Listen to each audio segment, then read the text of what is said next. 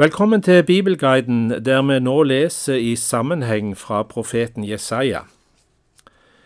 I dag skal vi høre kapittel åtte, et avsnitt med mange gode ord å ta med seg. I kapittel sju hørte vi om barnet som var et tegn, og som skulle kalles Immanuel. Nå får Jesaja et barn som òg er et tegn på noe som skal skje om ikke så altfor lenge. Gud gir profeten beskjed om at han skal kalle gutten sin Maher Shalal Hash Bash. Det betyr snart bytte, rov i hast. Og det varsler at byen Damaskus og Samaria skal plyndres av asyriske soldater. Her får vi òg en opplysning som viser at Jesaja var skrivekyndig, og at han derfor også høyst sannsynlig sjøl har skrevet ned teksten i denne profetboka. Vi hører Jesaja kapittel 8 vers 1 til 4. Herren sa til meg, Ta deg en stor tavle og skriv på den med en vanlig griffel, til Maher Shalal Hashbas. Jeg tok meg pålitelige vitner, presten Uria og Zakaria, sønn av Jeberekia. Så var jeg sammen med profetkvinnen, og hun ble med barn og fikk en sønn. Da sa Herren til meg, Gi ham navnet Maher Shalal Hashbas. For før gutten har lært å si far og mor, skal rikdommene fra Damaskus og krigsbyttet fra Samaria bæres fram for kongen av Asur. Etter denne korte beretningen så kommer det en ny profeti som innledes med Herren talte til meg igjen. Temaet her er en sammenligning av vannet i Siloa, som var hovedvannkilden til Jerusalem, og storelven Tigris, som renner gjennom den asyriske hovedstaden Assur. Det stille vann i Siloa et bilde på velsignelse og trygghet, i motsetning til storelvens ødeleggende vannmasser, et talende bilde på Asyrias hærmakt. Budskapet er klart. Forakt ikke troens stille elv. Gjør vi det, vil vantroens ødeleggende vannmasser overskylle oss. Vi hører versene fem til ti. Siloa eller Storelven. Herren talte til meg igjen og sa, Fordi dette folket forakter Siloas vann som renner så stille, og mister motet mot Resin og Ramaljas sønn. Se derfor lar Herren Storelven stige over dem med veldige vannmasser, Asyrkongen og all hans makt. Den skal stige over alle sine elveløp, og gå over alle sine bredder.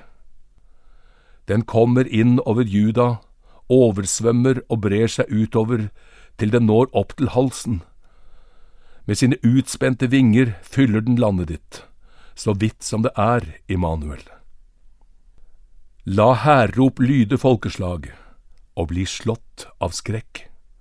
Lytt, alle fjerne land, rust dere til strid, og bli slått av skrekk.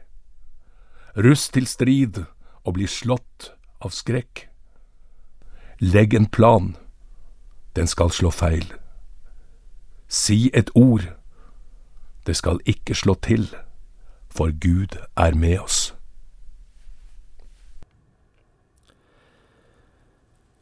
Immanuel, Gud med oss, hørte vi igjen lest som et ekko fra kapittel sju. Mot Guds råd og vilje er alle makter maktesløse.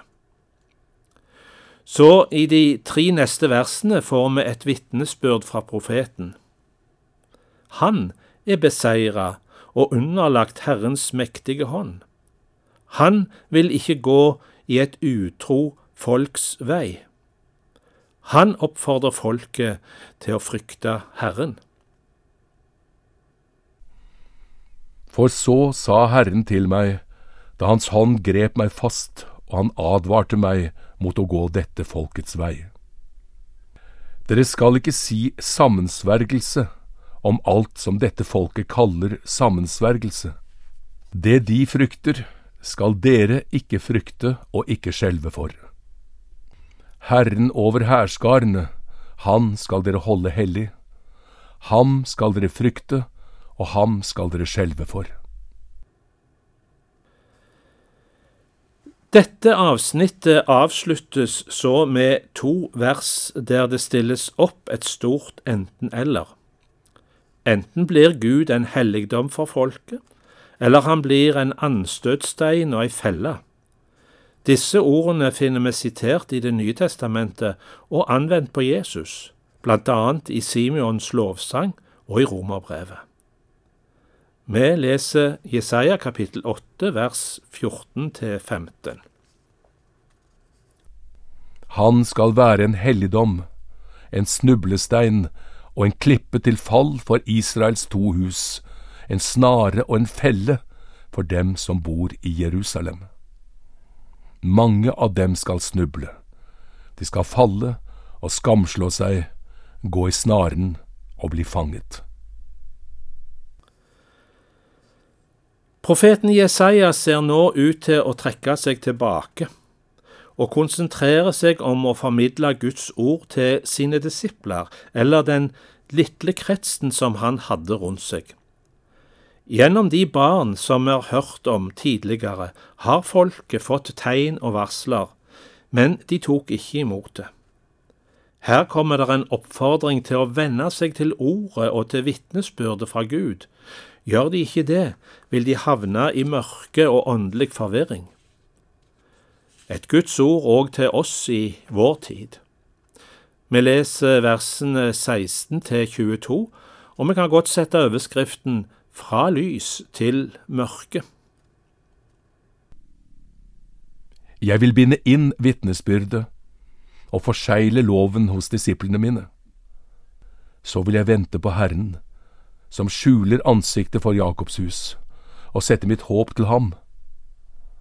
Se, jeg og barna som Herren har gitt meg, er tegn og varsler i Israel, fra Herren over hærskarene, Han som bor på Sionfjellet. Men når de sier til dere, spør gjenferd og spådomsånder til råds, slike som hvisker og mumler. Skal ikke et folk spørre sine guder, spørre de døde til råds for de levende, om lov og om vitnesbyrd? Sannelig, for dem som sier slikt, går ikke solen opp mer. Forkommen og sulten skal han dra omkring. Når han sulter, blir han harm, og forbanner sin konge og sin gud. Enten han vender seg mot det høye, eller ser utover jorden, er det nød og natt, trengsel og mørke. I mørket er han jaget ut. Det avsnittet vi nå har lest fra Jesaja-boka, strekker seg inn i kapittel 9. Temaet om mørke og lys fortsetter fram til vers 7 i neste kapittel. Det er her vi får høre de gode profetiene om Messias, som skal komme og bringe lys og frelse, ikke bare til Israel, men òg til hedningefolkene.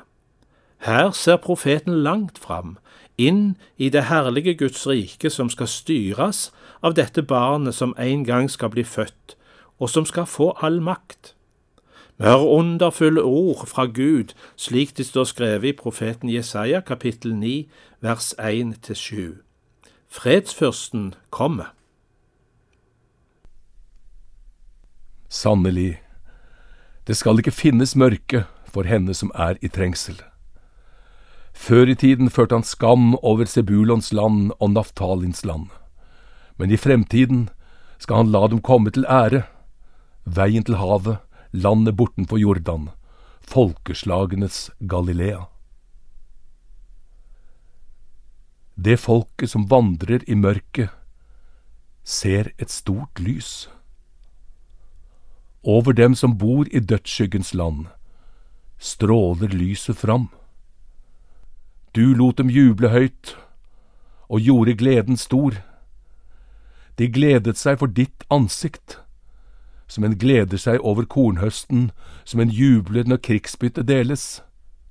For åket som tynget, stokken over skuldrene og staven til slavedriveren har du brutt i stykker, som på Midjans dag. Ja, hver støvel som trampet, og hver kappe tilsølt med blod, skal brennes og bli til føde for ilden. For et barn er oss født, en sønn er oss gitt. Herreveldet er lagt på hans skulder. Han har fått navnet Underfull rådgiver, Veldig Gud, Evig Far, Fredsfyrste. Så skal herreveldet være stort og freden uten ende over Davids trone og hans kongerike. Han skal gjøre det fast og holde det oppe ved rett og rettferdighet fra nå og for alltid. Herren over hærskarene skal gjøre dette i sin brennende iver.